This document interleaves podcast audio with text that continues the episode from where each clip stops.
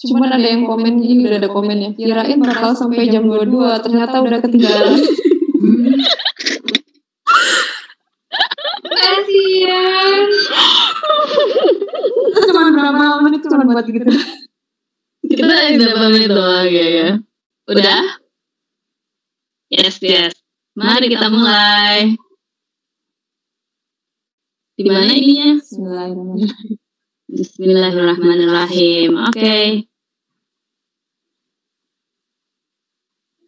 Linknya di mana? Ih, kode aku nggak ada. Di, kok aku udah nemu cuman belum opening. Bukan yang tadi. Ya. Yang baru lagi ya. Yang tadi. Coba di-share ke tele ya, Nat. Di, di, di YouTube belum muncul, sih. Iya, tapi belum opening.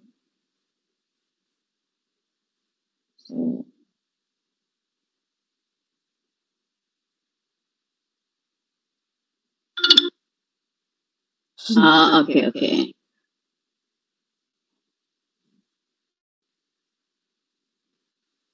Oke, mari kita lihat. Assalamualaikum warahmatullahi wabarakatuh. Belum, Nat? Bukan yang itu, Nat? Hah, berarti aku salah. Bukan. Ada kok yang terbaru, Mbak. Oh, Yang baru belum ada di sini. Yang lama di aja bisa nggak, Yomin? Yang lama di delete aja, soalnya orang-orang pada masuknya ke situ semua. Mm-mm. Orang-orang pada masuk ke situ semuanya. Oke, baiklah. Ini, ini belum ada penontonnya ya? Oh, udah 75. Oh, oke oke. Tapi aku belum bisa lihat. Aku belum bisa lihat. Lah, ini dia sudah ada. Alhamdulillahirabbil alamin. Dah, di tempatku udah aman. Alhamdulillah. Tanya, Baiklah, menggema kalau begitu. Hmm, menggema. Kirain aku udah ketinggalan. Enggak dong. Kita udah selesai tadi. Alhamdulillahirabbil alamin. Tes tes suara, tes tes suara. udah bisa. Bagaimana guys? Suara kita aman kali ini? Tes, tes. Gimana teman-teman? Apakah suaranya udah muncul? Suaranya double, menggema. Menggema. Kenapa ya? Ini ada yang nyalain YouTube kedengeran suaranya kali. Ada yang nyalain YouTube terus waktu itu pernah gitu.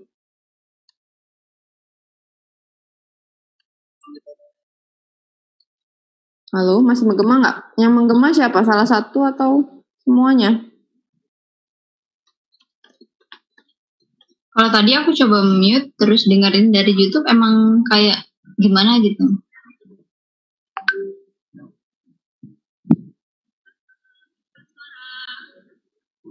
Kok enggak sih ini? Ayo mulai, aman-aman katanya. Aman, asik. Kalau sudah aman, alhamdulillah. Berapa menit ini kita tadi? 40 menit, masya Allah, luar biasa. Rekor ya, rekor. kita memecahkan rekor. Rekor untuk kendala teknis terlama diberikan kepada Soy. Yeay, terima kasih atas kesediaannya teman-teman sudah menunggu. Kasihan loh Yomin dari tadi stres banget gila insecure Oh, oh. habis dia. Tahu kalian, jangan gitu dong. sekarang udah bagus ya. Baiklah kalau gitu teman-teman. Karena sekarang alhamdulillah sudah normal. Sekarang teman-teman tolong dong linknya yang benar ini dibagiin ke teman-temannya yang ketinggalan tadi atau yang mungkin masih Hmm. nyangkut tuh di YouTube yang sebelah sana. Pindahin, eh, kasih tahu linknya, suruh pindah ke sini, merapat ke sini gitu. Oke oke oke.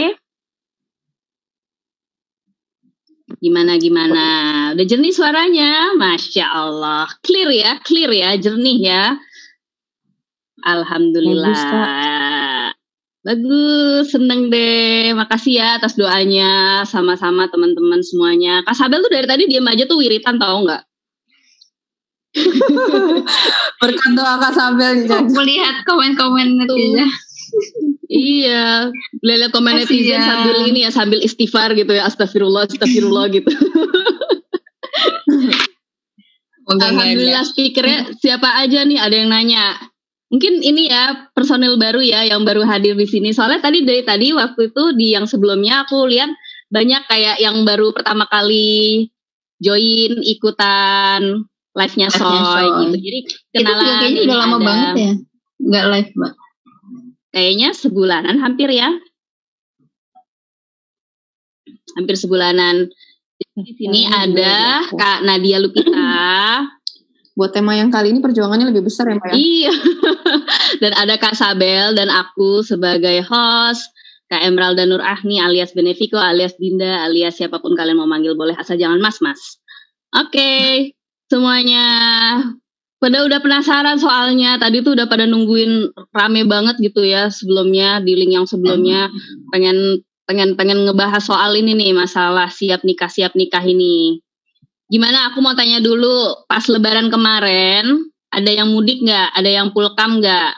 Pada ditanya-tanyain nggak guys sama tonggo atau sama saudara-saudari, tante-tante, auntie-auntie atau siapa gitu?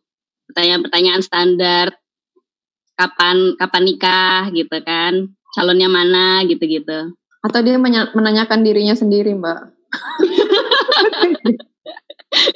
Gak usah ditanya, gue nanya, gue udah nanya sendiri gue sendiri gitu ya. Jadi udah Ah, pasang, oke. udah pasang inian ya. Iya iya, pada kangen ya, masya Allah. Oh, kita juga First time ikut Sony juga. di sini. Kita berubah nama. First time ikut Sony juga katanya.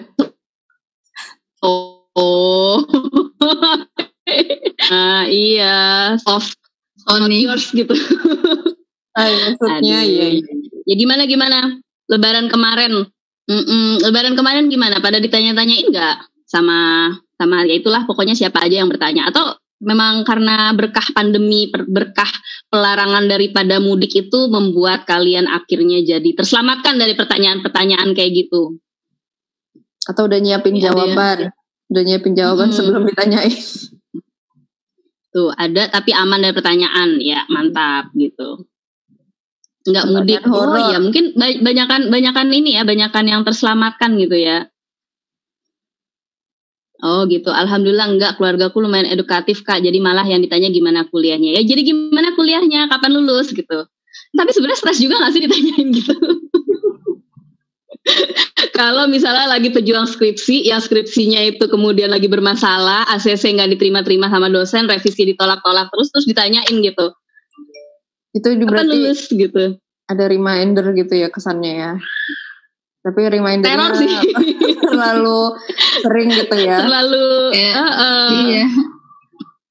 Ya, sebenarnya pertanyaan-pertanyaan pertanyaan. kayak gitu tuh tergantung tergantung kondisi kita juga ya nggak sih? Artinya kalau mungkin yang kuliahnya baru mulai happy happy lancar ditanya kapan lulus ya mungkin jawabnya ya insya Allah kalau lancar sekitar tiga tahun lagi tante gitu karena dia sudah berencana kuliahnya tiga setengah tahun gitu kan pakai percepatan Hmm. gitu. Tapi kalau misalnya yang kondisinya kayak tadi itu yang lagi stres karena revisi ya mungkin bakalan merasa terteror gitu kan ya yang terbaik gitu biasanya jawabannya. Gue tim yang nanyain ke diri sendiri kapan ya nikah. Nah, itu, Nat. Gimana caranya lolos dari pertanyaan itu? BTW BTW yaitu calon orang mana? Barusan kehajatan ditanyain kapan nyusul. Iya iya iya. Kapan nyusul? Ditanyain udah lulus belum? Alhamdulillah udah lulus dua bulan tiga. Apa tuh? Kapan wisuda? Nah, iya itu sebenarnya pertanyaan yang sama-sama horor ya buat orang yang memang kondisinya itu dalam keadaan tertekan.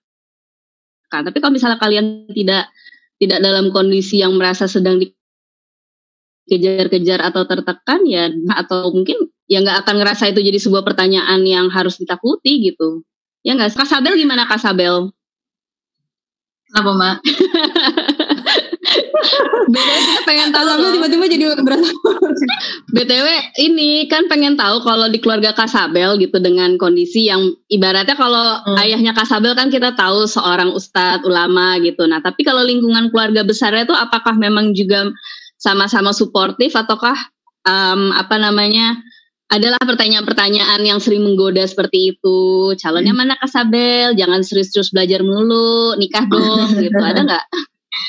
Ada sih pasti ya. Jadi kan kat, uh, kalau keluarga inti sih enggak. Maksudnya kan paham kayak oh aktivitas lebih kayak ke doa aja sih sebenarnya gitu. Tapi kalau di luar itu kayak misalnya yang udah jauh gitu ya keluarga besar hmm. tapi yang jauh, nah itu baru ya tingkat kepekaannya. Ya. lebih peka. Namanya namanya nggak peka dengan kepo beda ya tipis ya? asal bahasa. Nah gitu. jadi tapi kalau kalau aku sih positifnya mungkin hanya ya itu kan baca baca orang orang sekarang ya. Jadi ya udah eh, nganggep itu tuh kayak doa gitu. Amin amin gituin aja. Jadi anggap aja itu sebagai doa. Jadi semakin sering ditanyain kayak gitu itu tuh semakin sering didoain gitu ya. Uh, Nah, hmm. pertanyaan tema hari ini tuh justru sebenarnya apakah aku siap nikah gitu. Ya kan? Ini karena di sini yang jomblo tinggal seorangan ya. Apakah sebaiknya pertanyaan ini kita tanya langsung kepada orang yang belum menikah, guys? Gimana? kita langsung tanya saja kepada kakak Ustazah Sabel.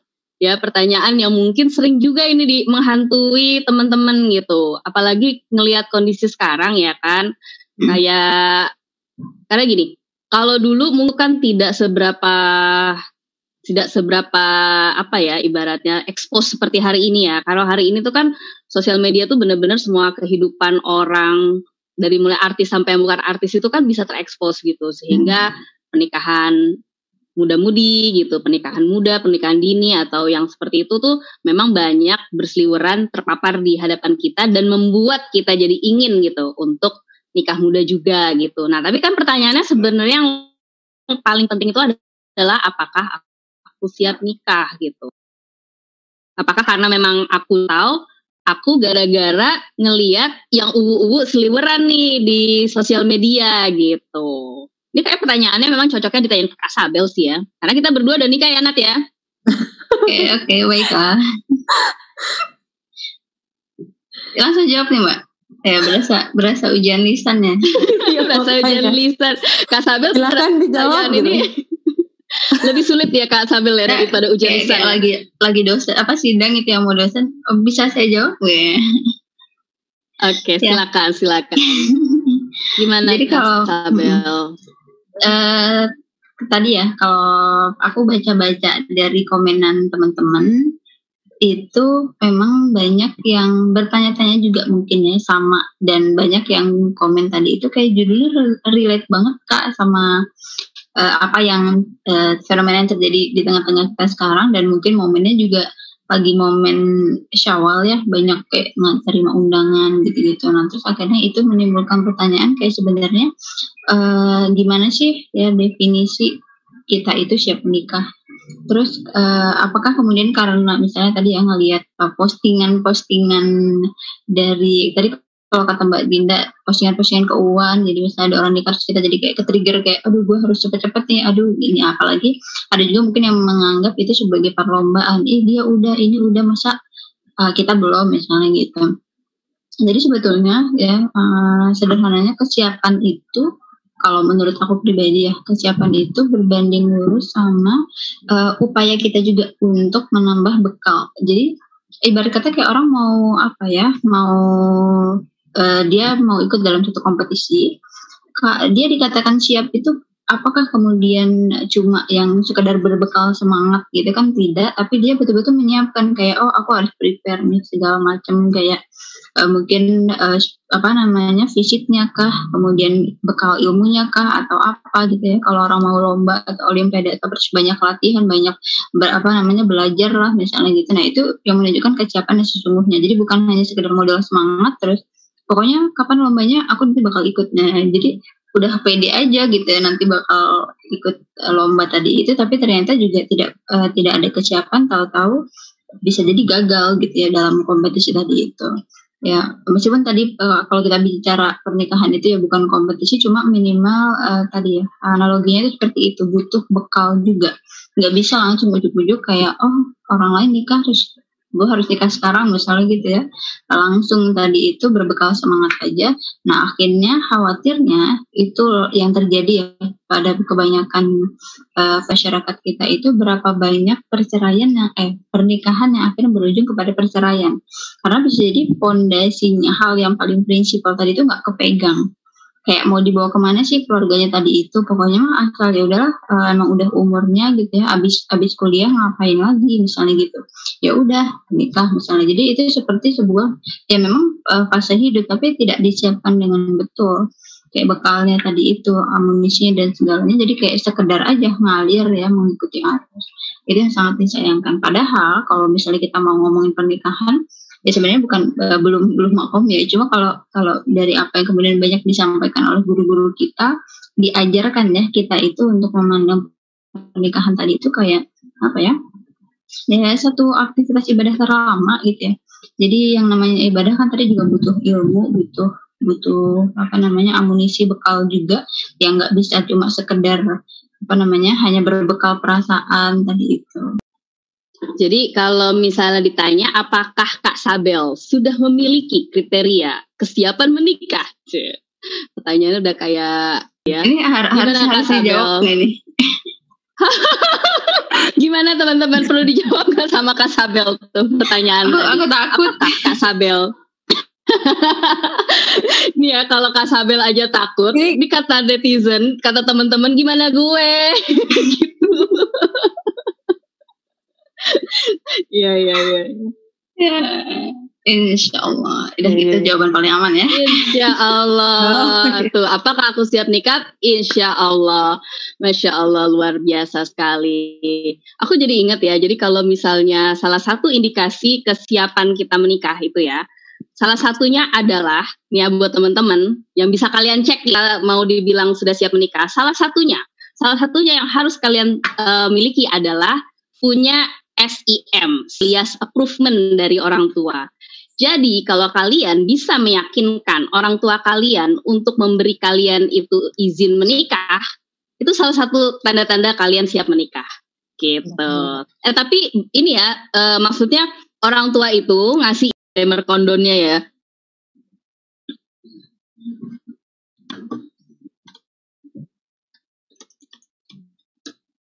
ada sebelah mana? Waduh, tiga kali pindah. Ada apa?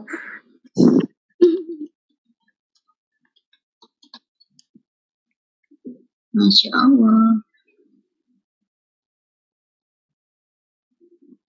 Oke, okay, apakah kita sudah live?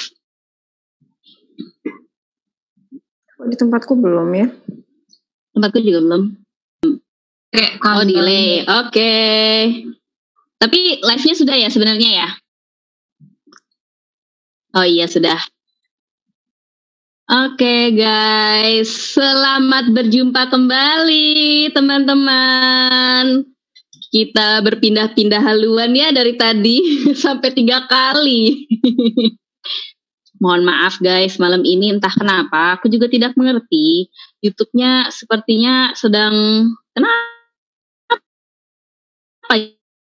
ya sensi gitu kali ya jadi pertanyaannya tadi adalah kan ada orang tua yang kadang-kadang memang nyuruh-nyuruhin anaknya untuk segera nikah, suruh-suruh nikah tua. Nah, ada juga yang anaknya itu propose gitu karena dia melihat kesiapannya dari dirinya sendiri, terus dia mengajukan kepada orang tuanya, Pak, Ibu, aku kayak udah siap nikah nih, tolong dong boleh nggak aku mau nikah nih gitu, minta surat izinnya secara mengajukan proposal gitu atau istilahnya dari kita yang mengajukan.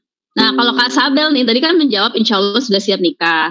SIM-nya ini didapatkan diturunkan atau Kak Sabel yang mempropos gitu? Um, Ayo lo Kak Sabel. Apakah pertanyaannya sulit? Mau fifty-fifty? Yeah. Ini ini kalian kulik-kulik ya. Belum belum pernah cerita tadi main kayaknya teman-teman. Soalnya memang yang masih me melalui tahapan ini tuh Kasabel soalnya di sini. Oke, okay, okay, baiklah. ya kalau kalau kami sih ya kak, ya mbak, hmm, apa namanya, uh, lebih kepada ikut arahan tua jadi maksudnya uh, apa ya kalau aku pribadi bukan tipe yang apa namanya propose kayak mau ini mau ini enggak. Jadi uh, ketika memang uh, apa namanya dirasa memang kita itu belum belum pas waktunya. Jadi akhirnya dipahamkan ulang kayak oh uh, misalnya kakak harus belajar dulu atau harus apa kepada diarahkannya ke sana tadi itu. Baru nanti pas kayak timingnya ini udah pas gitu kan. Akhirnya ya udah sim tadi turun gitu lulus simnya dapat dapat sim. Oh gitu. Jadi dapat simnya itu karena memang orang tua itu kayak memasang atau bukan masang ya ibaratnya memberikan arahan Kasabel harus melakukan A B C D E. Ah, betul. dan Kasabel mengikuti untuk melakukan A B C D E itu. Hmm. terus tiba-tiba hadiahnya adalah SIM gitu silakan menikah. aku kayak ya ya per, prasyarat tadi itu ya. Jadi ada ah. uh, apa namanya kalau aku dulu ingat banget kalau di kuliah itu sebelum praktikum itu ada namanya pretest. Ada post test dan hmm. pretest. Nah, nah jadi kalau sebelumnya itu kan berarti pretestnya kayak pretestnya itu apa apa dulu yang tadi harus disiapkan dilalui gitu ya. Uh, step by stepnya tadi itu. Nah, nanti pas udahannya uh, apa namanya uh, itu dipenuhi gitu ya uh, ya udah gitu. Cuma kalau kalau aku pribadi juga akhirnya nggak terburu-buru kayak oh aku harus segera memenuhi ini ini nggak jadi kayak ya udah apa namanya ngikutin waktu aja gitu ya. Terus tahu-tahu ya udah ada seminar gitu. Asik. Kalau boleh tahu, Cie, ini benar-benar udah kayak interview acara-acara gibah ya. gitu ya jadinya ya. Interview khusus sampai gitu ya. Kalau boleh tahu, apakah pretest-pretest itu mungkin kan bisa di-share gitu loh. Jadi mungkin sebagai kita nih, sebagai orang-orang atau teman-teman yang di yang lagi menonton ini gitu mereka nggak mungkin orang tuanya kan tidak seperti Kak Sabel semuanya gitu yang paham bagaimana ngetesannya untuk melihat bahwa memang mereka sudah siap nikah gitu. Mm-hmm. Tapi mungkin orang tuanya juga nggak nggak paham gitu. Nah, jadi gimana dari tes-tes tersebut kan artinya bisa menjadi indikasi untuk kalau kita lakuin itu, itu pertanda kita bisa memenuhi syarat kesiapan nikah itu. Betul. Gitu. Coba boleh di spill nggak Kak Sabel? Mm-hmm. Jadi uh, ya sebetulnya nanti kalau kita bicara lebih detail ya, kayak gimana persiapannya, terus uh, parameter kesiapannya itu kayak gimana, nanti teman-teman bisa explore lebih lebih jauh lagi. Cuma pada intinya itu tadi pada sisi bekal kita. Jadi uh, apa namanya? Kalau dalam hadis ya, Rasulullah itu kan pernah bersabda, uh, ya ma'asyaris syabab, man amin kumul ba'ah falyatazawwaj. Jadi wahai para pemuda, barang siapa di antara kalian yang mampu yang dikatakan mampu bukan bukan bukan apa namanya uh, bukan ingin bukan hanya sekedar mau tapi memang mampu ya untuk menikah maka menikahlah tapi barang siapa yang belum mampu maka berpuasalah kan gitu ya jadi uh, apa namanya kalau kalau kita coba uh, bandingkan tadi itu ya kalau mampu menikahlah kalau belum berpuasalah. Kenapa kok puasa gitu? Kenapa bukan aktivitas yang lain? Karena kalau kita pahami ya puasa yang kemarin kita sudah lalui ya puasa Ramadan uh, apa namanya waktu di mana maksudnya puasa tadi itu aktivitas di mana kita itu bisa menahan hawa nafsu kita. Tidak hanya menahan diri dari lapar haus dahaga tapi juga kita diminta untuk menahan dari segala bentuk godaan uh, yang ada di sekitar kita terutama terkait dengan nafsu tadi itu kecondongan kepada uh, kemaksiatan kecondongan kepada uh, kebatilan kan gitu. Jadi itu yang juga apa namanya berusaha kita tahan. Nah uh, apa namanya berkenaan dengan dengan menikah juga tadi tuh begitu. Gitu ya. jadi uh, kalau belum mampu ya berpuasa lah. Jadi nggak kemudian akhirnya oh karena sekarang lagi banyak uh, apa namanya godaannya maksudnya ya semakin ibaratnya kita buka sosmed terus muncul nih apa yang uh hmm. muncul apa tayangan segala macam kita jadi ke trigger kayak oh nggak bisa pokoknya harus nikah sekarang. Kenapa? Karena udah tidak mampu lagi menahan. Nah itu juga salah sih ya kalau langsung GC kayak gitu langsung gercep kayak gitu sementara dia tidak menyiapkan bekal atau ilmunya tadi itu akhirnya bisa jadi gitu ya nanti maksudnya bukan bukan tidak mungkin nanti pernikahan yang tidak dibangun dengan kondisi yang uh, tepat tadi itu akhirnya bisa kandas begitu saja. Oke. Okay. Ya, nah soal tadi poin kesiapan apa, nah pastinya di sini kalau dikatakan apa namanya parameter seseorang itu mampu untuk menikah, berarti kan dia uh, apa ya um, kita di sini bicara kesiapan atau bekalnya tadi itu pasti nanti beda antara laki-laki dan perempuan. Kalau perempuan ya karena kita kodratnya itu sebagai uh, nanti umur batul bait sebagai ibu dan pengurus rumah tangga terus juga sebagai apa ya ya pendidik juga gitulah berarti kan ada begitu banyak bekal-bekal juga yang kita perlu siapkan bekal untuk mengurus keluarga misalnya mengurus anak kemudian bekal untuk diri kita sendiri misalnya terkait dengan apa ya skill-skill rumah tangga kali ya kayak uh, ya kita minimal apa ya nggak segitu cueknya lah gitu ya. Nanti uh, ngurus rumah itu ya betul-betul ya udahlah seadanya bah kayak kita masih sendiri jadi nanti nggak diurusin tuh orang rumah. Nah itu kan salah juga. Ya minimal punya apa namanya life skill tadi itu terus juga ilmu juga kedewasaan juga. Jadi ke, apa ya kita memandang permasalahan tuh menghadapi satu permasalahan tuh nggak ujuk-ujuk apa namanya eh, nggak uh, ujuk-ujuk apa nggak meledak-meledak lah ibaratnya gitu kira-kira begitu jadi jadi salah satu indikasi kesiapan kita nikah itu justru adalah ketika kita tidak menampakkan kalau kita itu kayak kebelet nikah gitu ya Kak Sabel. Bisa. Jadi gitu guys, kalau untuk melihat ya indikasi apakah kita ini memang siap nikah ataukah kita ini kebelet nikah, dilihat dari itu tadi. Bedakan gitu ya antara kebelet nikah dengan memang benar-benar siap. Kalau kebelet itu mungkin karena triggernya itu adalah melihat dari paparan-paparan di luar sosmed orang lain atau pertanyaan-pertanyaan yang terus meneror kapan nikah kapan nikah mana calonnya. Hal-hal yang seperti itu yang membuat kita akhirnya jadi kayak aduh kebelet nikah deh aku harus nikah harus nikah. Karena nikahnya itu tujuannya untuk menghindari hal-hal tersebut atau karena udah nggak tahan ngeliatin uannya itu gitu kan. Hmm. berarti itu ya guys ya dicatat tuh. Sekarang mulai dari sekarang perhatikan apakah ini memang tanda-tanda indikasi kalian sudah siap nikah ataukah memang kebelet nikah gitu. Nih sekarang nanya ke Kanadia deh. Kanadia, Kanadia. Gimana ya, Kanadia? Ya. Waktu dulu akhirnya SIM-nya keluar pada saat apa itu Kanadia? SIM-nya keluar pada saat uh, pada saat menyampaikan uh, mau nikah. Dan, oh, jadi karena dia memang uh, tipe yang mengajukan untuk meminta surat izin menikah dari orang tua gitu ya? Tapi sebelumnya udah sempat ditanya sih. Uh, uh, kan, oke. Okay.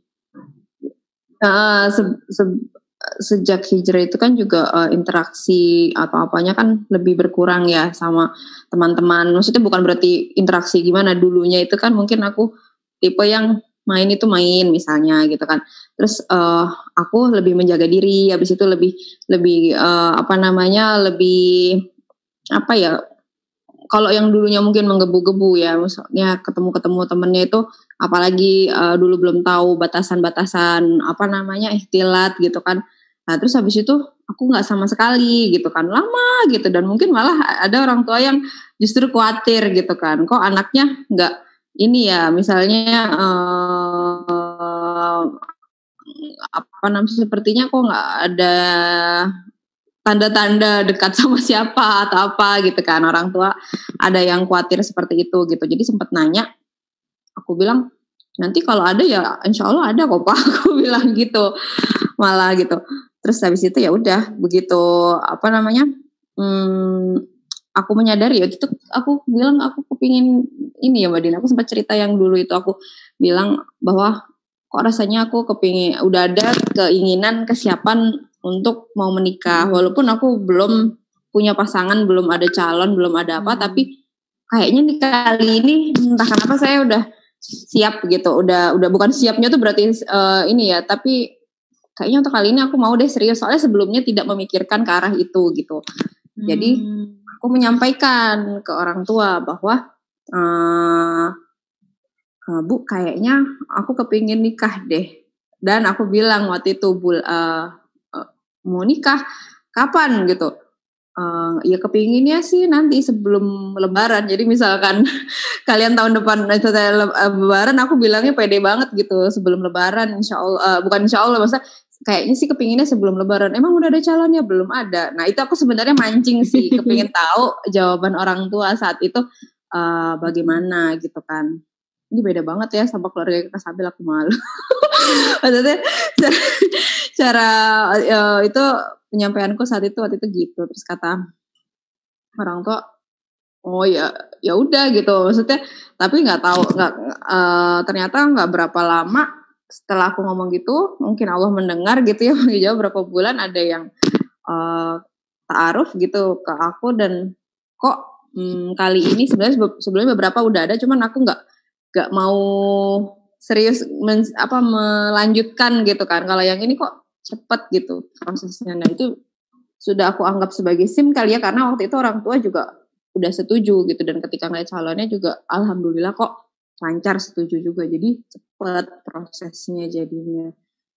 Tapi sebelumnya mungkin kan teman-teman ngerasain itu ya proses menuju itu tuh kayak panjang gitu ya kadang kapan gitu kan kayaknya mungkin ada yang bertanya-tanya sama dirinya gitu kan.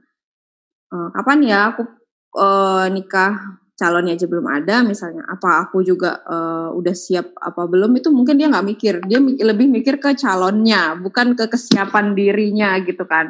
Um, um, udah siap menikah apa belumnya itu gitu.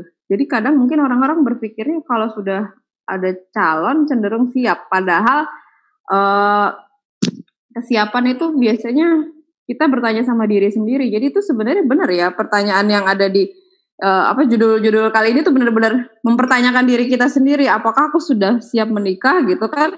Ketimbang kalau misalkan orang lain tanya sama kita gitu. Kalau orang lain tanya sama kita itu kan kadang lebih menohok ya. Kadang kita mau jawab juga tadi tuh jadi horor atau apa. Tapi beda kalau seandainya kita menanyakan itu ke diri kita sendiri. Jujur bertanya ke diri sendiri apakah kamu sudah siap? gitu itu kan jawaban yang sebenarnya mungkin saja tidak simpel gitu. Mungkin kalau kamu bilang siap, apakah siap nih tadi? Kalau kayak kata kakak Sabil takutnya hawa nafsu aja gitu. Karena ngelihat banyaknya uuan di sosmed gitu sehingga kamu merasa kamu sudah siap gitu. Atau cuman uh, atau ya itu tadi ketika kamu tanya sama diri kamu sendiri apakah sudah benar-benar siap gitu?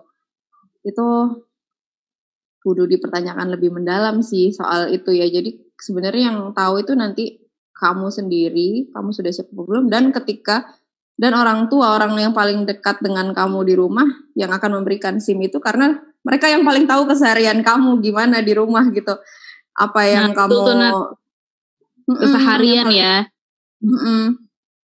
Paling Nadia sebelum menikah itu udah menunjukkan tanda-tanda keseharian yang memang keseharian itu mengindikasikan bahwa oh ini keseharian yang memang seorang istri uh, keseharian yang memang sudah menunjukkan kepantasan seorang istri gitu. Kan beda dong keseharian seorang anak dengan keseharian seorang istri. Ya kan? Hmm. Kalau keseharian seorang anak ya udah dia bangun tidur hanya untuk berpikir tentang dirinya hari ini mau sekolah atau mungkin dia berpikir tentang tugas-tugasnya hari ini atau dia berpikir hmm. tentang dirinya sendiri hari ini tapi ketika kesiapan untuk menikah itu kan bukan hanya tentang dirinya sendiri gitu tapi kalau kita perempuan berarti kan kesiapan untuk menjadi seorang istri gitu nah dia menunjukkan nggak tanda-tanda bahwa pada saat itu orang tuanya tuh melihat gitu bahwa Nadia tuh memang udah siap menjadi seorang istri melakukan hal-hal tertentu yang berbeda daripada kita sebagai seorang anak gitu. Kebetulan aku saat itu nggak dalam rangka sengaja menunjukkan. Jadi kayaknya alhamdulillahnya hmm. posisinya saat itu aku sudah ngebentuk tanpa sadar membentuk diriku seperti itu sehingga mungkin oh, orang tua nice. sudah akhirnya yakin. Jadi tanpa jadi nggak tanpa drama yang mungkin gimana ya cara merayu hmm. orang tua biar itu yakin bahwa aku sudah menikah. Alhamdulillah aku nggak ngeliatin fase itu karena tanpa disadari aku melewat tanpa disadari aku menjalani itu. Tapi mungkin Udah menciptakan saja habits gitu ya Nat ya.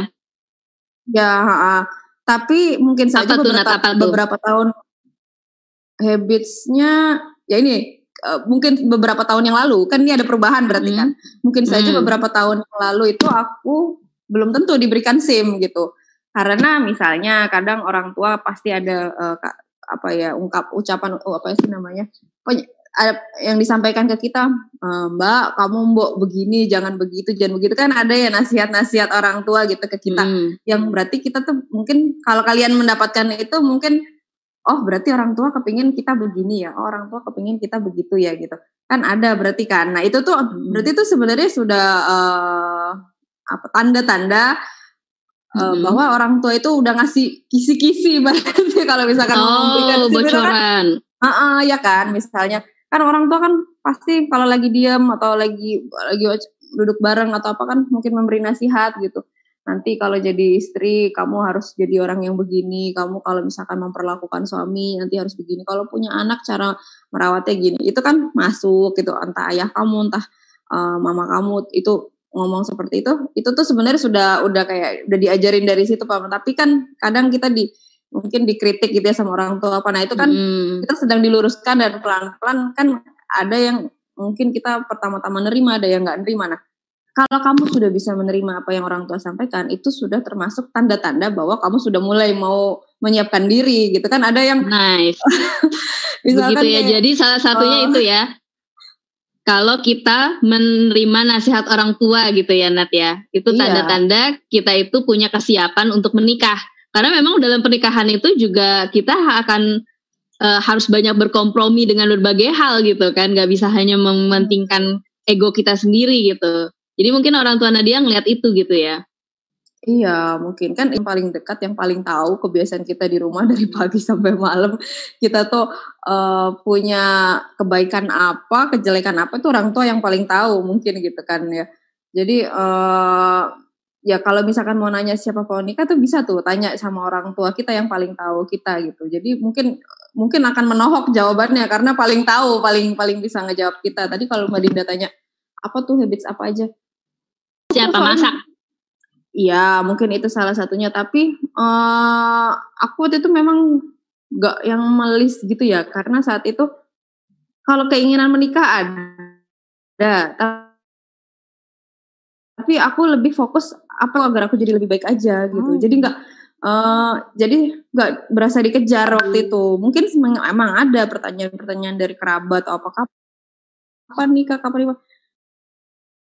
Tapi nggak mau. Jadi kalau tadi kalian merasa itu horor balikin ke diri kalian gimana kalian ngelola itu.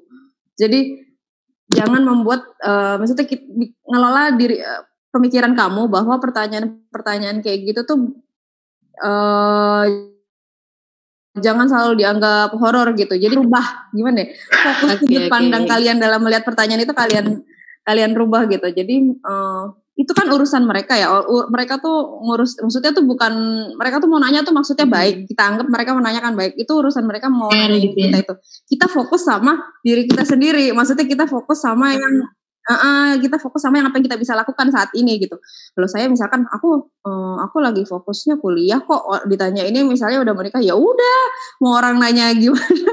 misalnya kalian fokusnya itu merasa lebih baik. Bisa saja kalian posisi lagi kuliah terus merubah diri kalian lebih baik tiba-tiba Allah sudah merasa kamu yakin udah siap nikah tiba-tiba nikah kadang kan orang nikah itu nggak maksudnya um, um, ya itu tadi ngelihat kesiapan nggak mesti kalian di umur sekian atau di umur berapa kalau kalian Betul. memang ternyata udah siap-siap gitu. Tapi kalau seandainya kalian sudah menyiapkan nih, perasaan aku udah udah nyiapin yang paling terbaik nih, udah ngikutin step-step, udah baca buku, semua buku, tapi ternyata Allah nggak mempertemukan mempertemukan, ya berarti ada sesuatu mungkin yang menurut Allah juga belum siap yang kita nggak tahu apa itu gitu kan.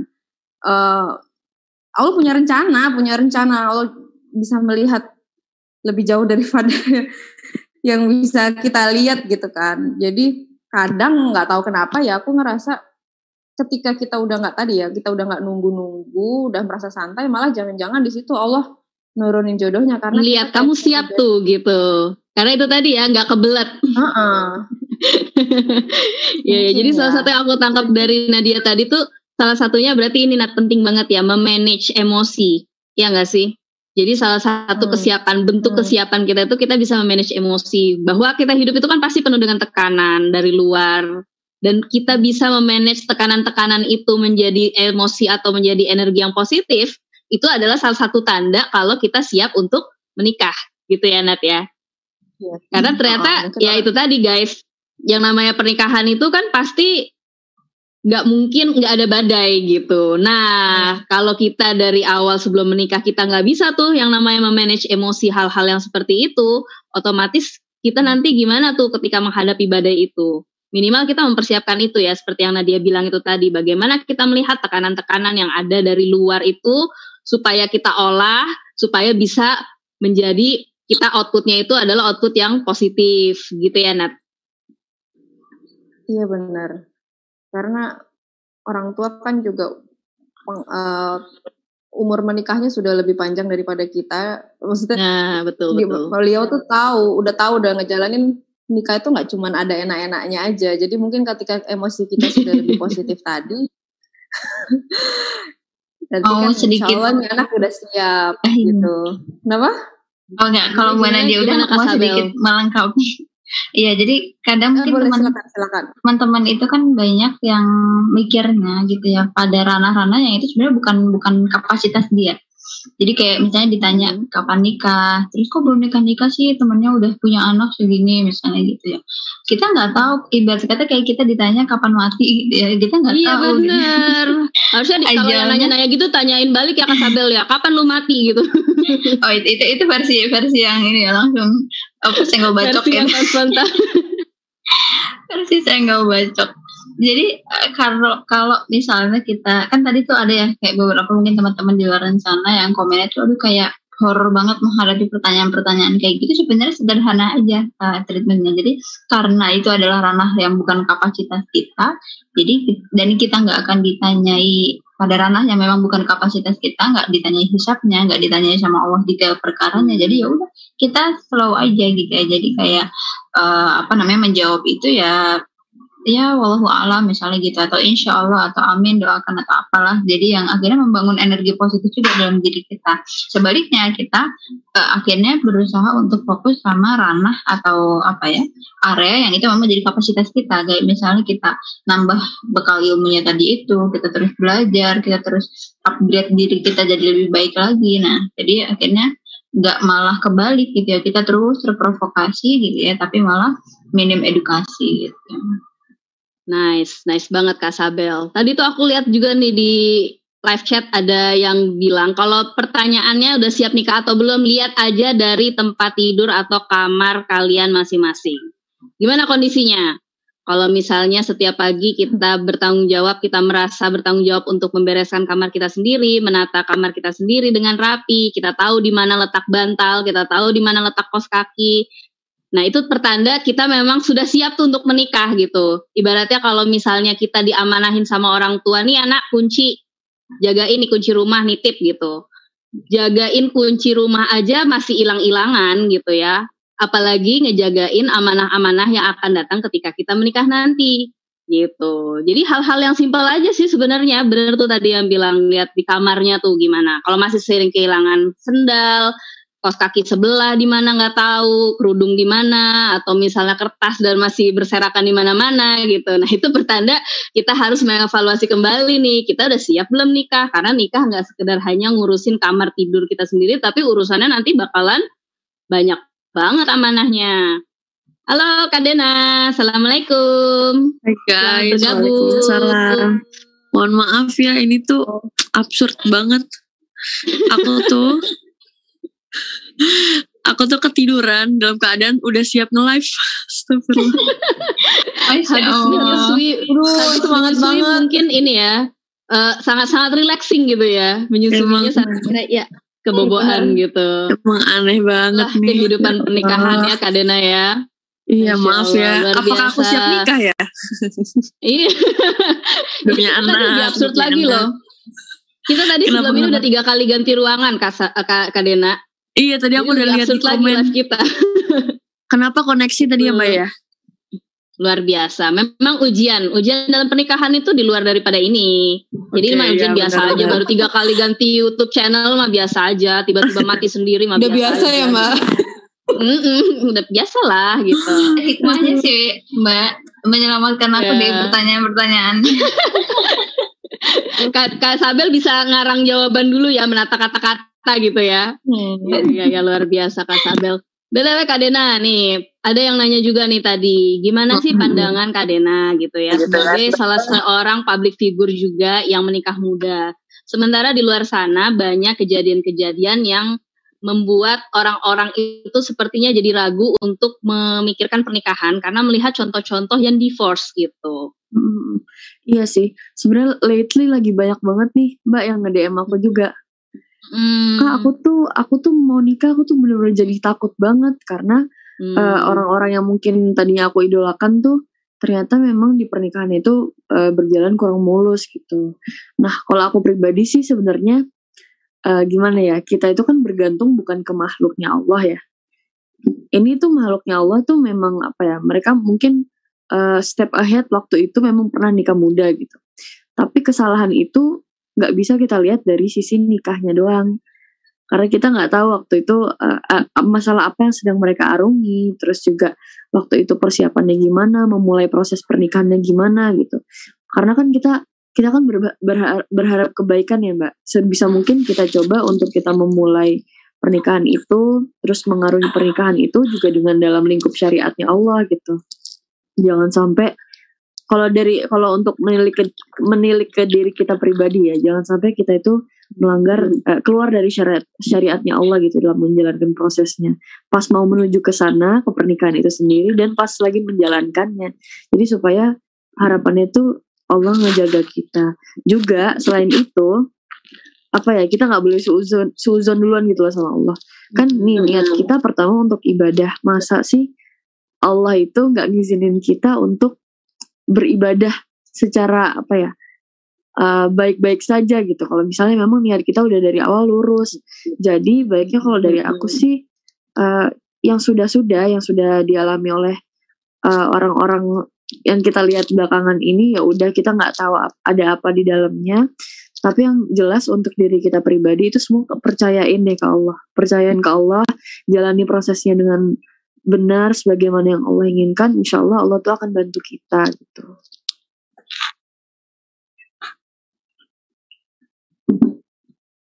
Begitu. Oke Kak Dena. Jadi kembali lagi ya, artinya kesiapan itu juga termasuk kesiapan keimanan kita gitu ya. Agama itu penting gitu ya untuk kita yakin kepada Allah itu kan artinya kita butuh akidah yang kuat gitu kan, butuh keyakinan yang kuat untuk menggantungkan segala sesuatunya itu kepada Allah.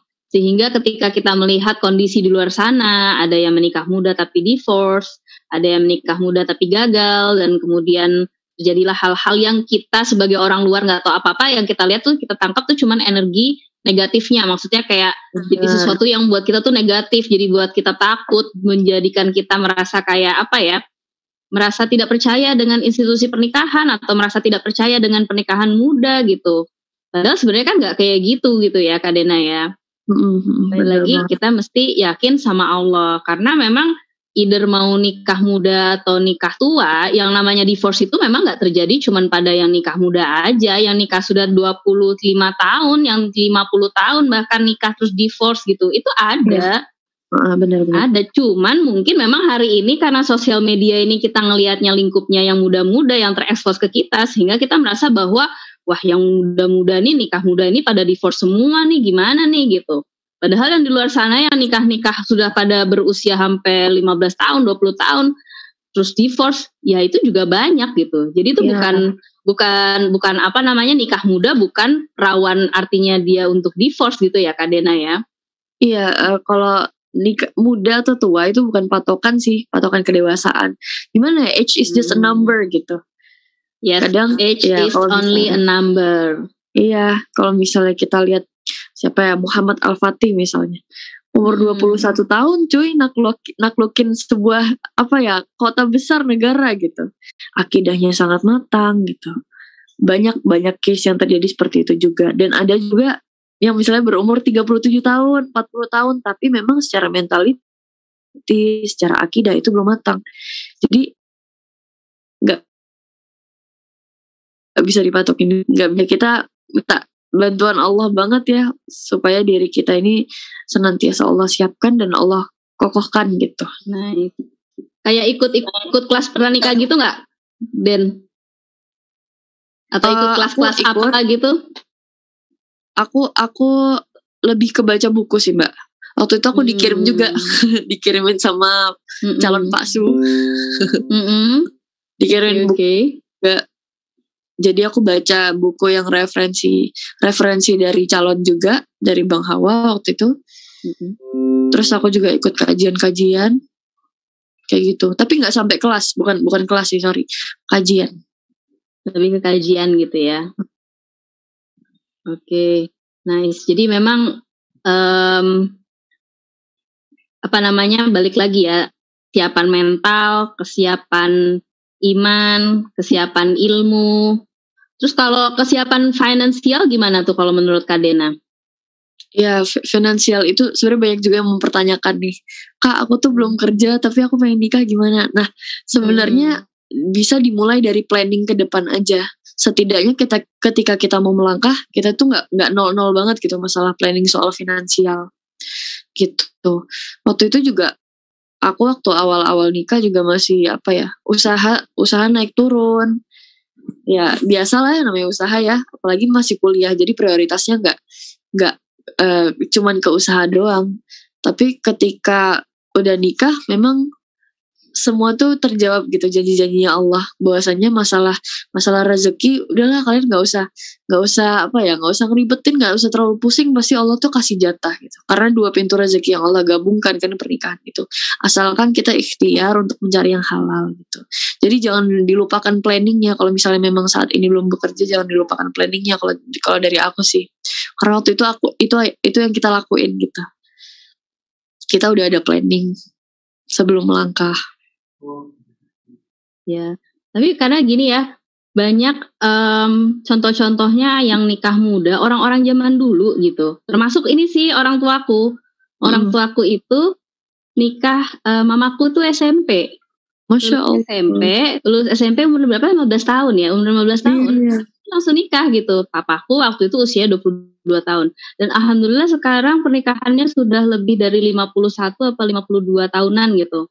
wow Artinya sudah melewati pernikahan emas Iya. gitu. Yang artinya itu kan sebenarnya membuktikan bahwa nikah muda bukan berarti akhirnya berakhir menjadi divorce gitu.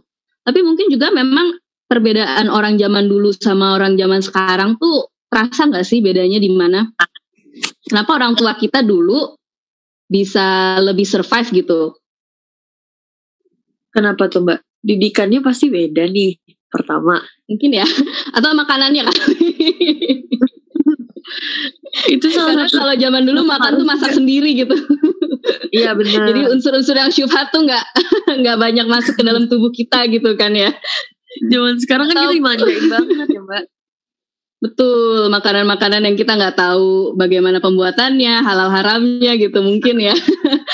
kita lalai di situ gitu. Ya mungkin juga bisa jadi muhasabah sih. Sebenarnya ini yang mau aku tanyain nih ke teman-teman. Menurut kalian gimana? Karena zaman dulu orang-orang tuh usia nikah tuh emang muda-muda. Em, mertuaku itu mungkin sekitar umur lulus SMA nikahnya juga. Jadi kayak ya 17-18an gitu. Dan alhamdulillah sampai sekarang sehat dua-duanya, masih bersama juga gitu. Which is kan artinya aku ngeliat apa sih yang berbeda zaman dulu dengan zaman sekarang nih. Sama-sama mau nikah muda, tapi tantangan zaman sekarang nih kayaknya berbeda dengan tantangan orang tua-orang tua kita zaman dulu gitu. Gimana guys?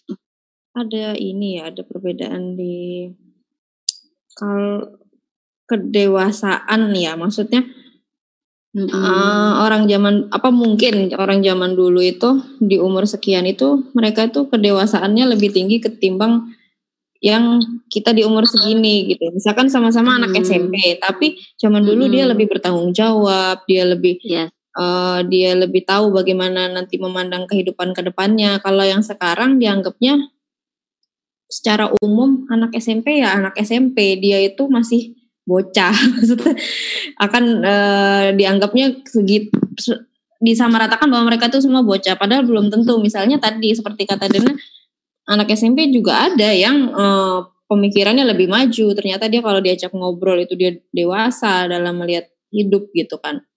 Apa mungkin gitu mbak? Orang zaman Mungkin dulu ya. itu udah dipersiapkan lebih matang gitu ya. Benar. Karena zaman dulu tuh mungkin tidak sespoil zaman kita sekarang yang serba apa pun tinggal ada gitu. Ibaratnya kita nggak bisa masak tinggal go food gitu loh ya kan kalau zaman dulu orang tua kita nggak bisa harus masak harus bisa masak gitu loh bertanggung jawab kalau nggak kalau nggak ada masakan gue harus nyari gitu apa nggak nyari kayu bakar kayak jualan apa kayak kayak gitu istilahnya ya mungkin jadi tough tuh gara-gara kondisi hidup tuh memang lebih sulit Kemampuan saat itu bertahan hidup gitu. lagi juga ya Mbak ya. Kemampuan untuk Hmm. bertahan hidupnya itu yang membangun mentalnya gitu ya berarti. daya survive membedakan jadi survive-nya jadi walaupun SMP tapi sudah punya mentality seperti itu gitu. Which is itulah yang akhirnya membuat works pernikahannya panjang sampai hari ini karena memang luar biasa mental-mentalnya tuh bener-bener teruji gitu. Iya, iya. Aku juga ngelihatnya dari segi ini, Mbak. Apa ya, arus globali- globalisasi, westernisasi, Ah, terus juga mudahnya yes, teknologi. yes. Jadi kita menerima sangat-sangat banyak informasi yang sebenarnya membuat kita melupakan jati diri kita gitu. Oh. Iya, yang-. Kita mungkin kalau misalnya kita belajar agama, itu kan apa ya, agama tuh masya Allah banget ya Mbak. Islam tuh masya Allah banget. Jadi kita bener Mm-mm. kehidupan kalau yang aku lihat ya dibandingkan uh, pelajaran-pelajaran lain yang mungkin sumbernya dari barat gitu atau dari tempat-tempat lain gitu.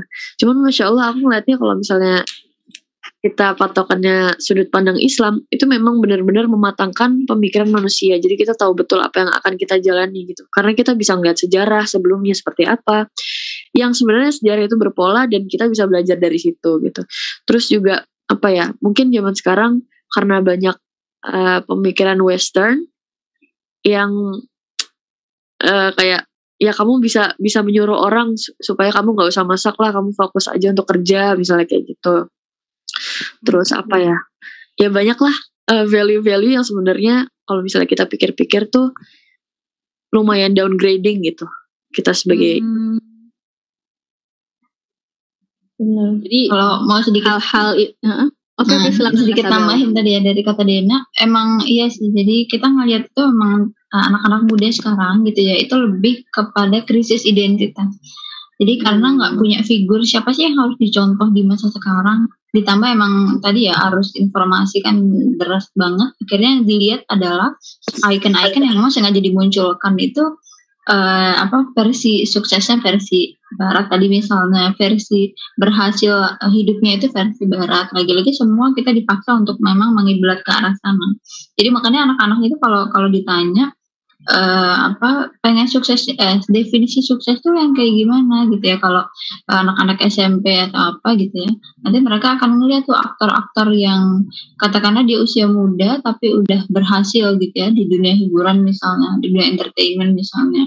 Jadi orang-orang seperti itu tidak peduli apakah latar belakang pendidikannya itu juga eh, apa namanya selaras ya sama apa yang dia capai tadi itu materi misalnya nggak nggak peduli soal kepribadiannya gimana pokoknya kesuksesan materinya aja yang dinilai. Nah, itu kan bahaya gitu ya hal-hal kayak gini tuh eh, apa ya tadi memicu kita tuh akhirnya punya krisis identitas.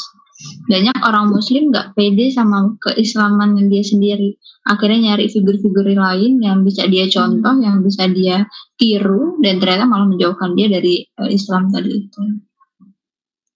Iya iya iya, bener banget ya. Banyak yang bilang tuh teman-teman di live chat, zaman dulu nggak ada sosmed, nggak ada HP, nggak ada sinetron gitu ya. Jadi nggak banyak informasi-informasi yang aneh-aneh masuk ke dalam eh, cara cara pandang orang tua orang tua kita gitu. Jadi untuk lurus itu mungkin lebih mudah gitu ya dibandingkan dengan kita hari ini yang banyak banget informasi-informasi yang sebenarnya itu bukan informasi yang kita butuhkan gitu ya nggak sih di sosmed gitu pacaran tentang target-target yang ibaratnya target-target yang duniawi banget gitu. Yang ditunjukkan sama barat bahwa ini loh target sukses itu adalah punya outfit yang harganya dari atas sampai bawah totalnya 3 miliar gitu. Itu kan sangat-sangat banyak banget gak sih sekarang hari ini outfit Iya. gue, baju gue harganya 3 miliar, sepatu gue satu miliar gitu. Dan orang-orang berpikir, wow kalau gue belum bisa seperti itu, gue belum bisa nikah gitu. Atau kalau gue nikah, gue harus kayak gitu gitu. Jadi Iya. ya menurut teman-teman gimana tuh?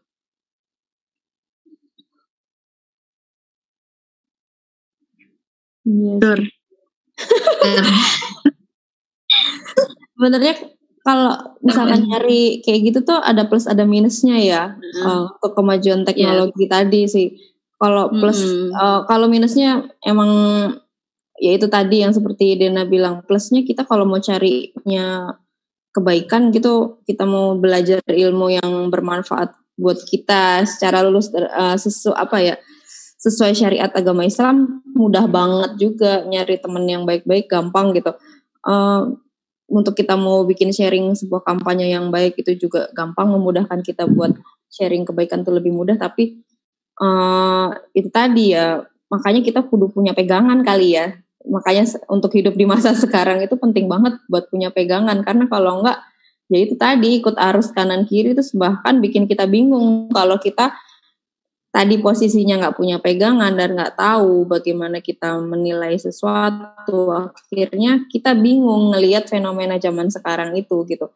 Ya kita uh, sebenarnya mungkin kita ngelihatnya juga aja sudah sudah ini ya kok akhir-akhir ini misalnya seperti ini gitu. Banyak fenomena-fenomena seperti itu.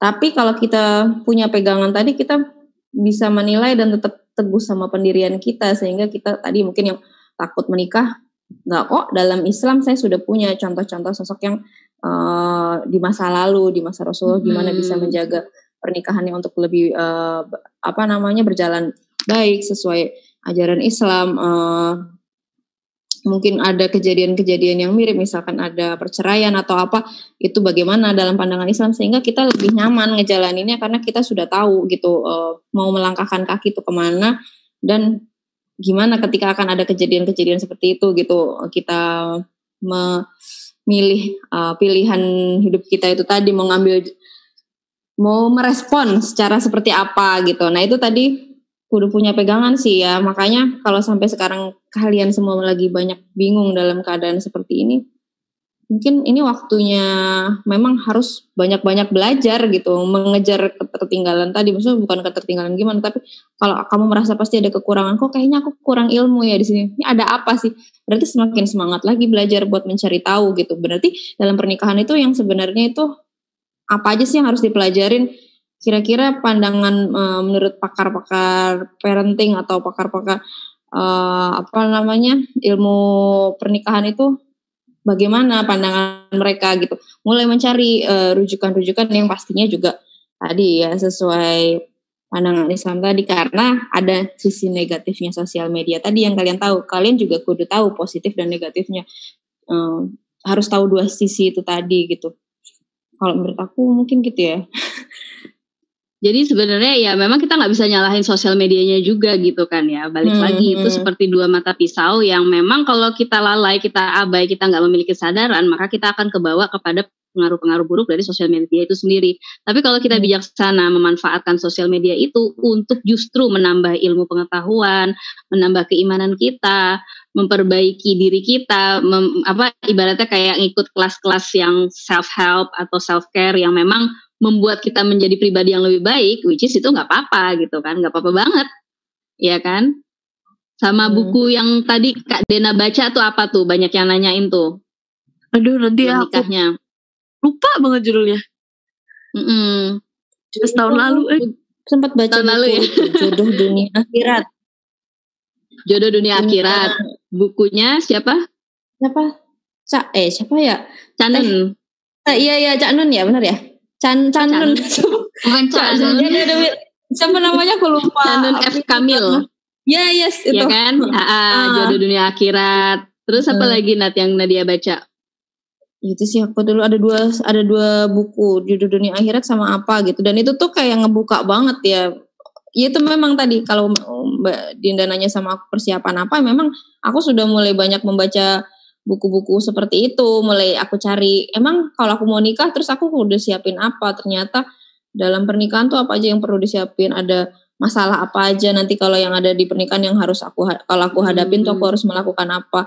Ternyata pas dibaca itu wawasannya tuh jadi tambah banyak gitu. Oh ternyata ada loh masalah yang berbeda dari aku nggak pernah ngalamin itu ternyata orang lain ngalamin itu. Karena kan kita nggak tahu nanti pasangan yang akan kita nikahi itu orang yang seperti apa yang punya masa lalu seperti apa. Kita harus kenal pasangan kita itu punya masa lalu eh, punya orang tua yang seperti apa background hidup yang berbeda itu akan maksudnya pengaruhnya besar banget gitu. Karena kita nikah ekspektasi kita harapan kita seperti yang kita bayangkan tadi misalkan di sosmed di film oh kayaknya kalau nikah enak banget nih sesuai seperti yang kita bayangkan. Tapi kenyataannya tidak seperti itu gitu kadang. Karena kalau kita sudah nikah eh, pasangan kita belum tentu eh, punya eh, apa ya namanya mungkin misalkan ternyata tuh eh, kita visi misi sama tapi dia punya sifat yang berbeda, terus background hidup yang berbeda, cara dia menjalani hidup yang berbeda, itu kan sudah nanti akan bisa jadi ada konflik. Nggak mungkin tidak ada konflik, Hmm. maksudnya pasti akan ada dalam proses perkenalan kita. Nah itu gimana cara mempersiapkannya dan gimana kita menghadapinya. Kalau misalkan kita nggak tahu ilmunya, kadang kita nanti udah ngejudge duluan pasangan kita. Hmm, Kok dia ternyata seperti itu ya, ternyata dia kurang bisa memahami aku, padahal dia itu eh, punya eh, bukan tidak memahami, bukan tidak sayang, tapi dia cara menjalani hidupnya agak berbeda sama kita gitu. Cara mengungkapkan ekspresi cintanya berbeda, Iya ya gitu. kan? Jadi Nah itu juga tuh makanya bahasa cinta perempuan dengan bahasa cinta laki-laki itu kadang beda, kadang nggak ketemu di tengah gitu. eh, Dan itu yang sering merasa kita aku tidak dicintai gitu. aku merasa dia tidak Oh. peduli gitu. Padahal menurut dari versi dia, gue udah ngelakuin ini semuanya. Yang gue udah ngelakuin A B C D E F Z gitu ya. Terus gue dibilang gue nggak cinta, gue nggak sayang, agile lu gitu kan. ya itu mereka perlu perlu Iya. tahu, harus tahu gitu ya. Bagaimana memahami pria, Hmm. memahami eh, yang pria juga harus memahami wanita, seluk beluknya luar biasa. Ya memang makanya penting banget sih baca buku ya. Salah satu buku yang bisa dibaca tuh teman-teman bisa Google atau cari di toko buku kesayangan Anda. Eh, namanya bacaan sebelum menikah. oh ada tuh mbak. Gimana? Ya, itu ada ada Bu- Ada eh, di- di penulisnya namanya Asik. Terima kasih Kak.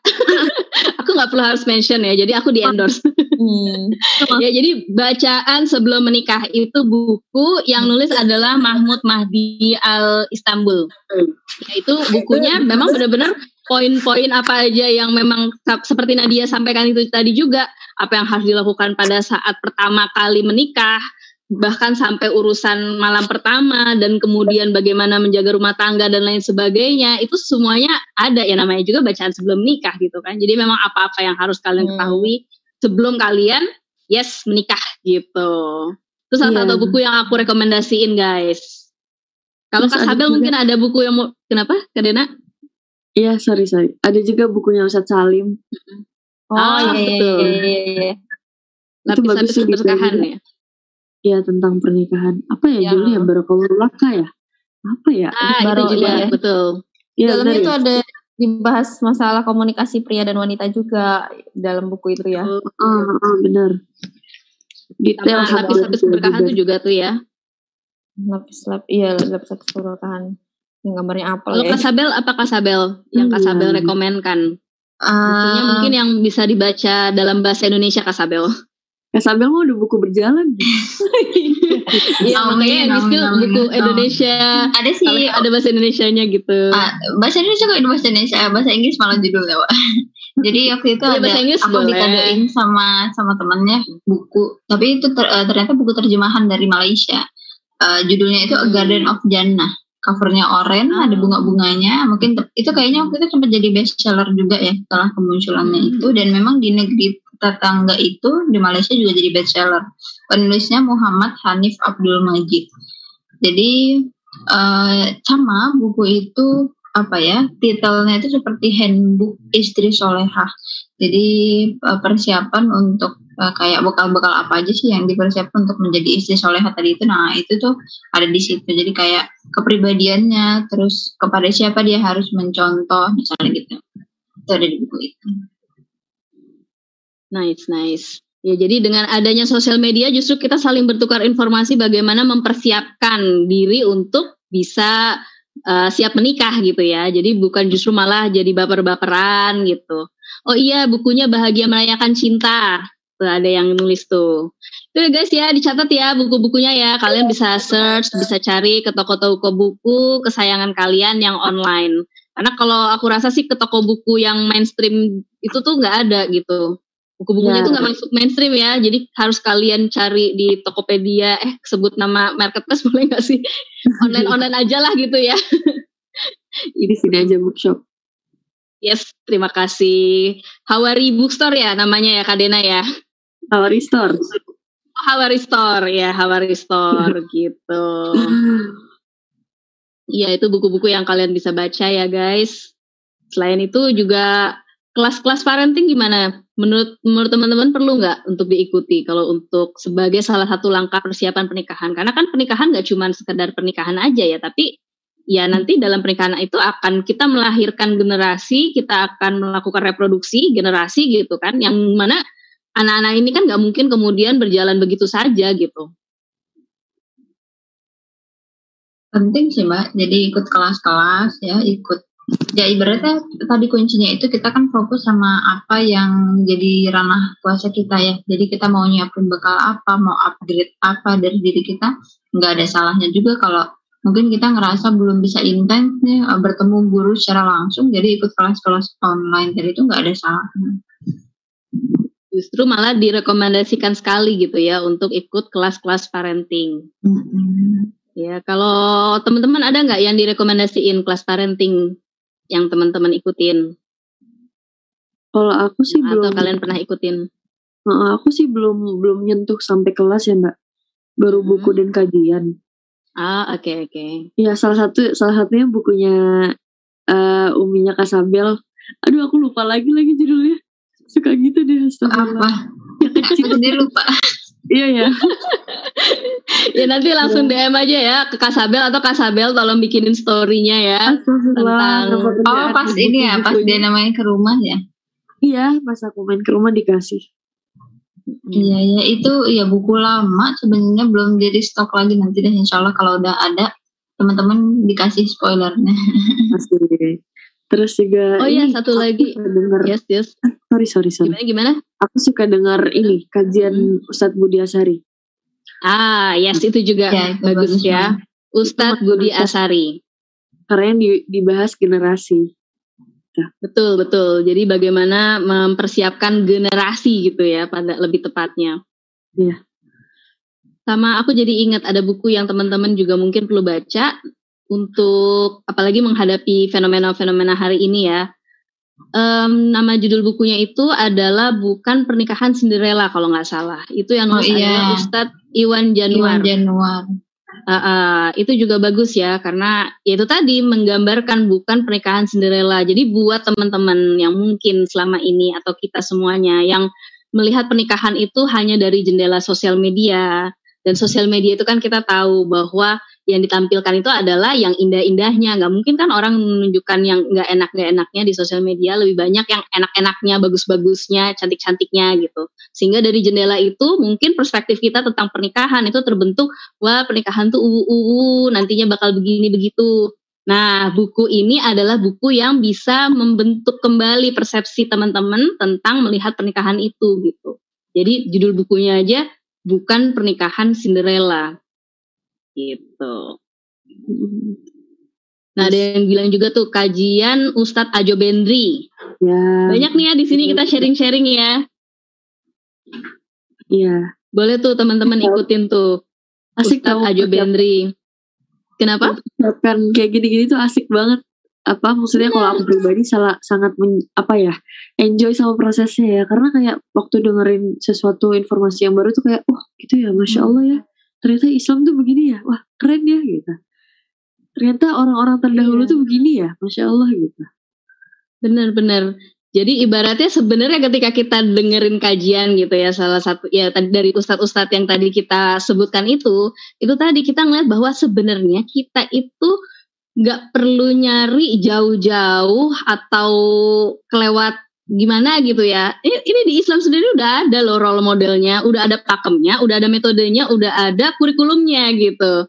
Cuman kita memang nggak pernah mengakses atau kita terhalang aksesnya ke sana karena ketidaktahuan kita gitu. Makanya pentingnya ngaji, kita sharing-sharing berjamaah, kumpul-kumpul kayak gini, saling berbagi ilmu pengetahuan, saling berbagi uh, nasihat-nasihat, saran-saran dan referensi-referensi yang bagus gitu untuk kita semuanya.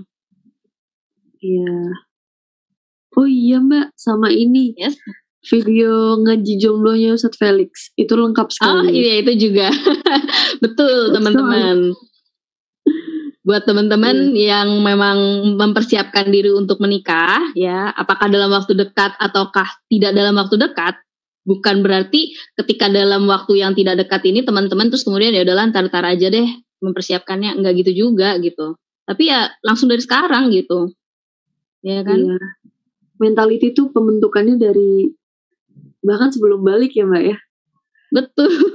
Sebenarnya harusnya begitu. Gitu. Nah ini di live chat banyak nih teman-teman yang udah sharing-sharing nih. Ustadz-ustadz terus kemudian kajian-kajian kelas-kelas yang bisa teman-teman ikutin yang mungkin yang kita sampaikan ini karena memang berdasarkan eh, pengalaman kita, kita sendiri memang ngikutin, makanya kita referensiin. Tapi di luar itu bukan berarti nggak ada kelas-kelas bagus lainnya gitu. Ada Ustazah Aisyah Dahlan juga. Nah, ya itu banyak tuh guys di situ.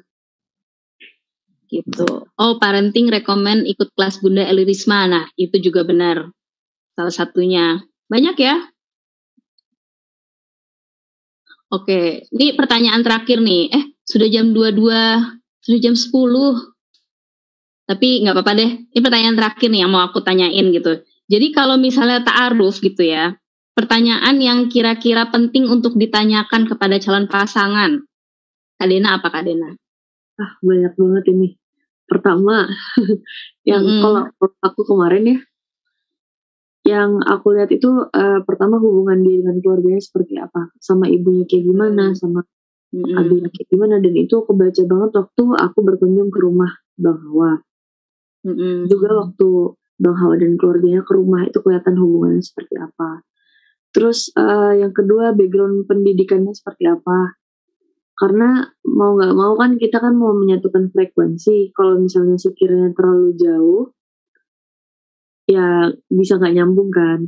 Terus juga apa ya mulai dari kesibukan kesibukannya, hari-harinya itu diisi dengan apa. Terus yang paling penting adalah tujuan hidupnya sih, karena itu yang akan menentukan ke depannya kira-kira kalau misalnya tujuannya dia beda dengan tujuan kita kan nggak akan jalan gitu.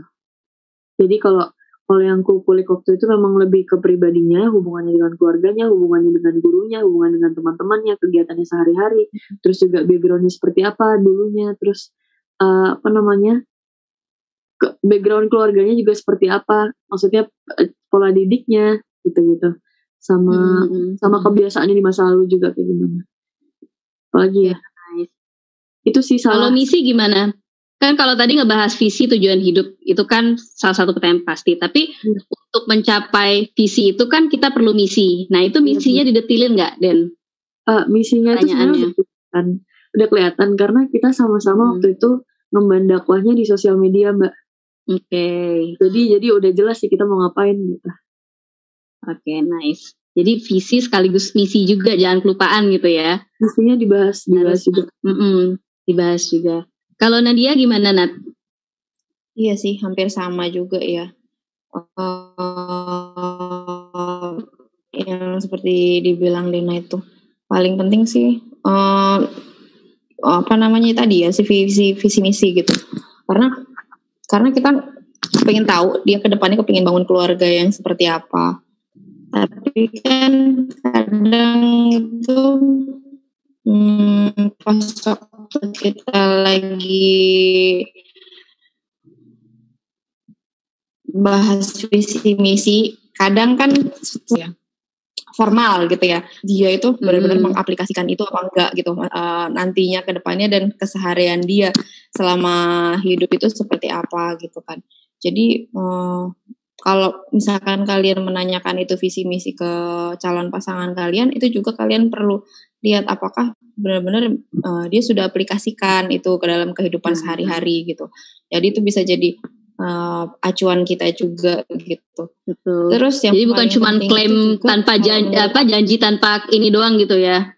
Kayak orang kalau mau mencalonkan diri kan gitu ya. Ya. Pilihlah saya gitu. Visi misi, jujur, transparansi, tidak korupsi dan lain sebagainya. Ternyata pas kejadiannya beda gitu kan. Oh. Di ghosting deh kita. Kita, Aduh.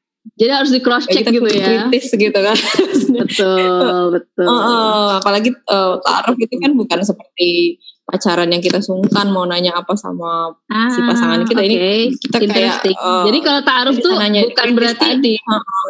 berarti boleh ya pertanyaan-pertanyaan kritis. Oke, kamu punya misi kayak gitu, buktikan apa gitu. Boleh ya kita bertanya seperti itu. Kami tidak butuh janji, Mungkin ya? gitu, tapi kita butuh kepastian. Oh iya dulu. Hah, kenapa? Sorry sorry mbak. Gak apa-apa. Dulu kenapa? Eh ya dulu aku juga ngobrol-ngobrol soal ini kesehatan. Dulu aku di aku bahkan eh, ditanya soal siklus haid. Hmm. Eh karena Yes, memang salah satu tujuan kita mau menikah Iya. kan kan mau punya keturunan. Terus juga pola didik anak itu salah satunya Hmm. dibahas juga. Hmm. Jadi gak Tetap ya sungkan guys Dek, ya.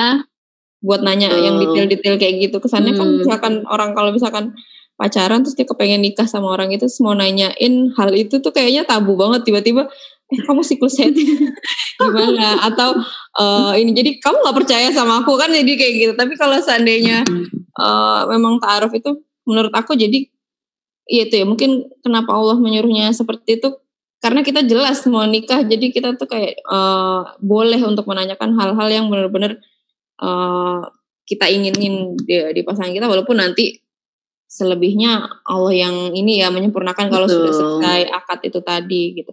Sama ini sih aku mentingin ini juga ahlak ya. Kadang Oh, Hmm, mungkin kalau, kalau misalnya kita ngeliat agamanya, maksudnya agama tuh dari eh, ibadah-ibadahnya dia sudah dia lakukan secara sempurna.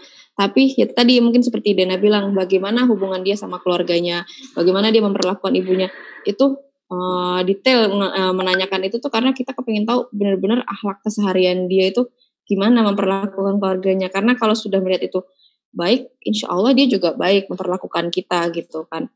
Jadi misalkan ada kekurangan-kekurangan lain, kalau akhlaknya insya Allah bagus, misalkan mau diperbaiki pelan-pelan atau ada nanti kita saling mengisi kekurangan itu lebih mudah dijalaninnya kalau itu tadi ya. Kan mungkin kalau agamanya bagus, insya Allah akhlaknya juga bagus gitu karena dia takut ya dalam menzolimi orang lain apalagi Mm-mm. eh, keluarga sendiri gitu. BTW, Kak Sabel. Hmm. Sama karena dia kan langsung gitu kepada calonnya. Bagaimana? Seperti ini seperti itunya bla bla bla. Lalu kemudian dari pertanyaan dari tanya jawab itu tergalilah informasi. Tapi sebenarnya dalam Islam boleh nggak sih kalau kita nih kemudian cross checknya dengan cara bukan memata-matai ya tapi apa ya istilahnya? Oke kalau dia ngomong nih misalnya oke saya itu eh, kalau sholat berjamaah selalu ke masjid oke si si calon ngomongnya kayak gitu.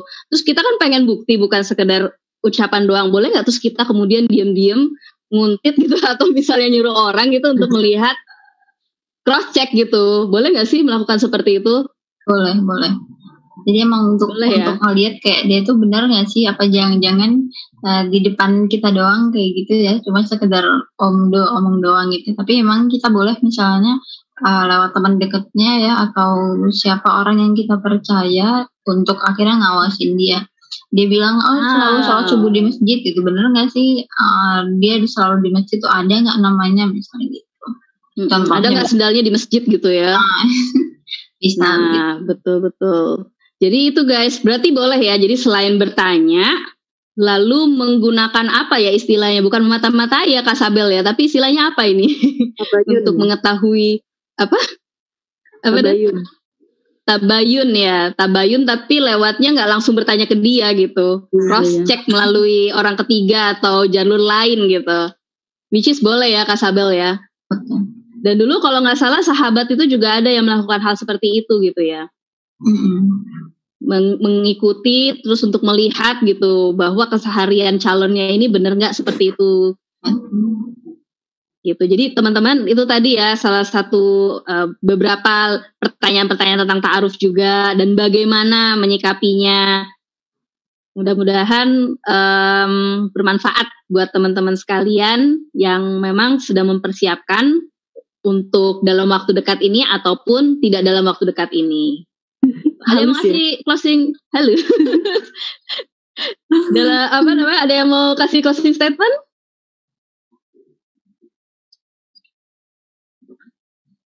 kalau aku nanya kayak gitu udah kayak pertanyaan bu guru yang terus semua orang pada langsung merosot gitu masuk ke bawah pada lisan. nunduk gitu Hujan lisan.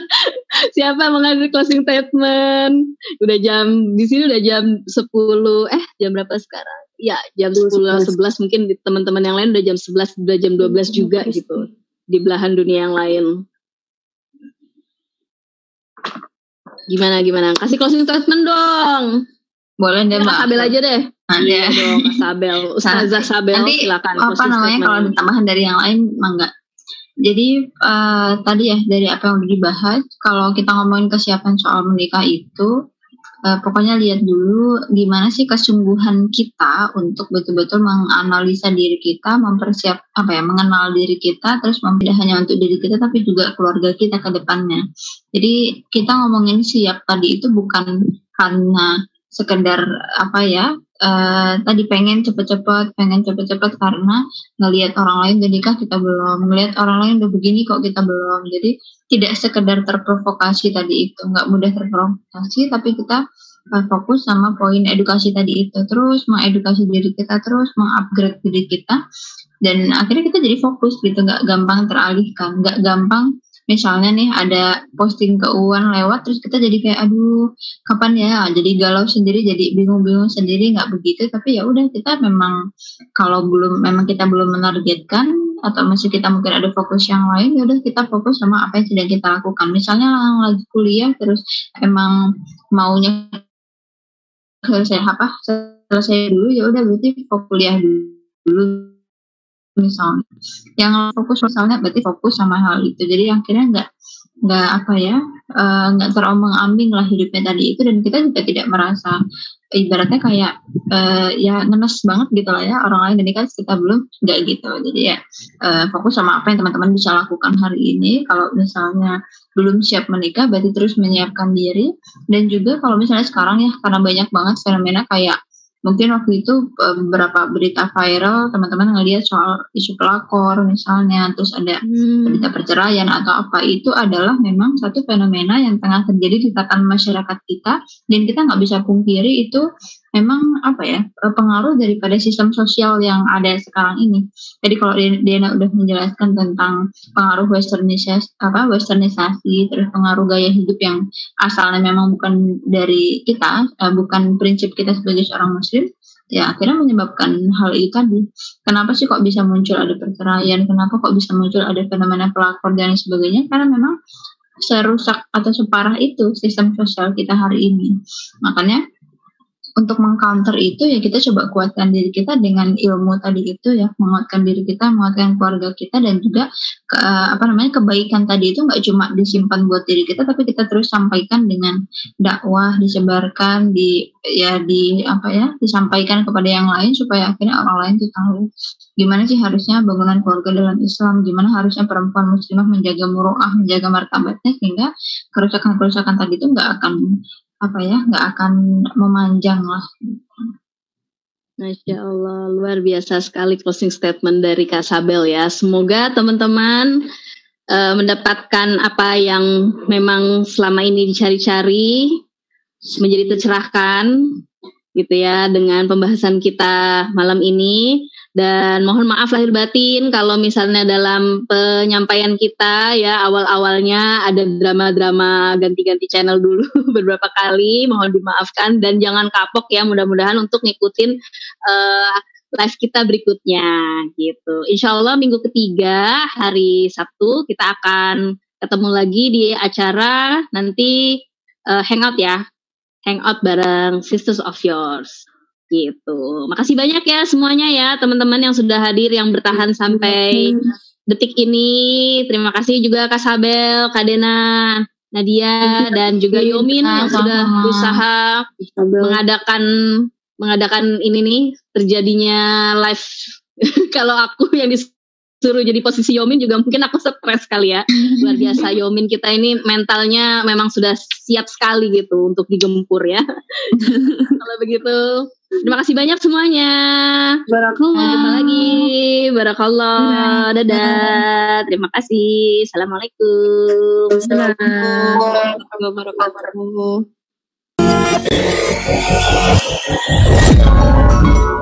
Yuta jika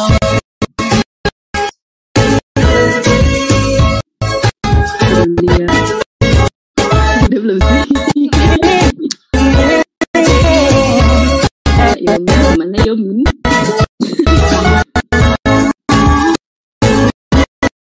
Oke, sip tenang. Yomin, udah muncul baper ngomongnya kita tuh pada deg-degan sama insecure gitu. Ada. ya Allah, kita. Oke, baiklah.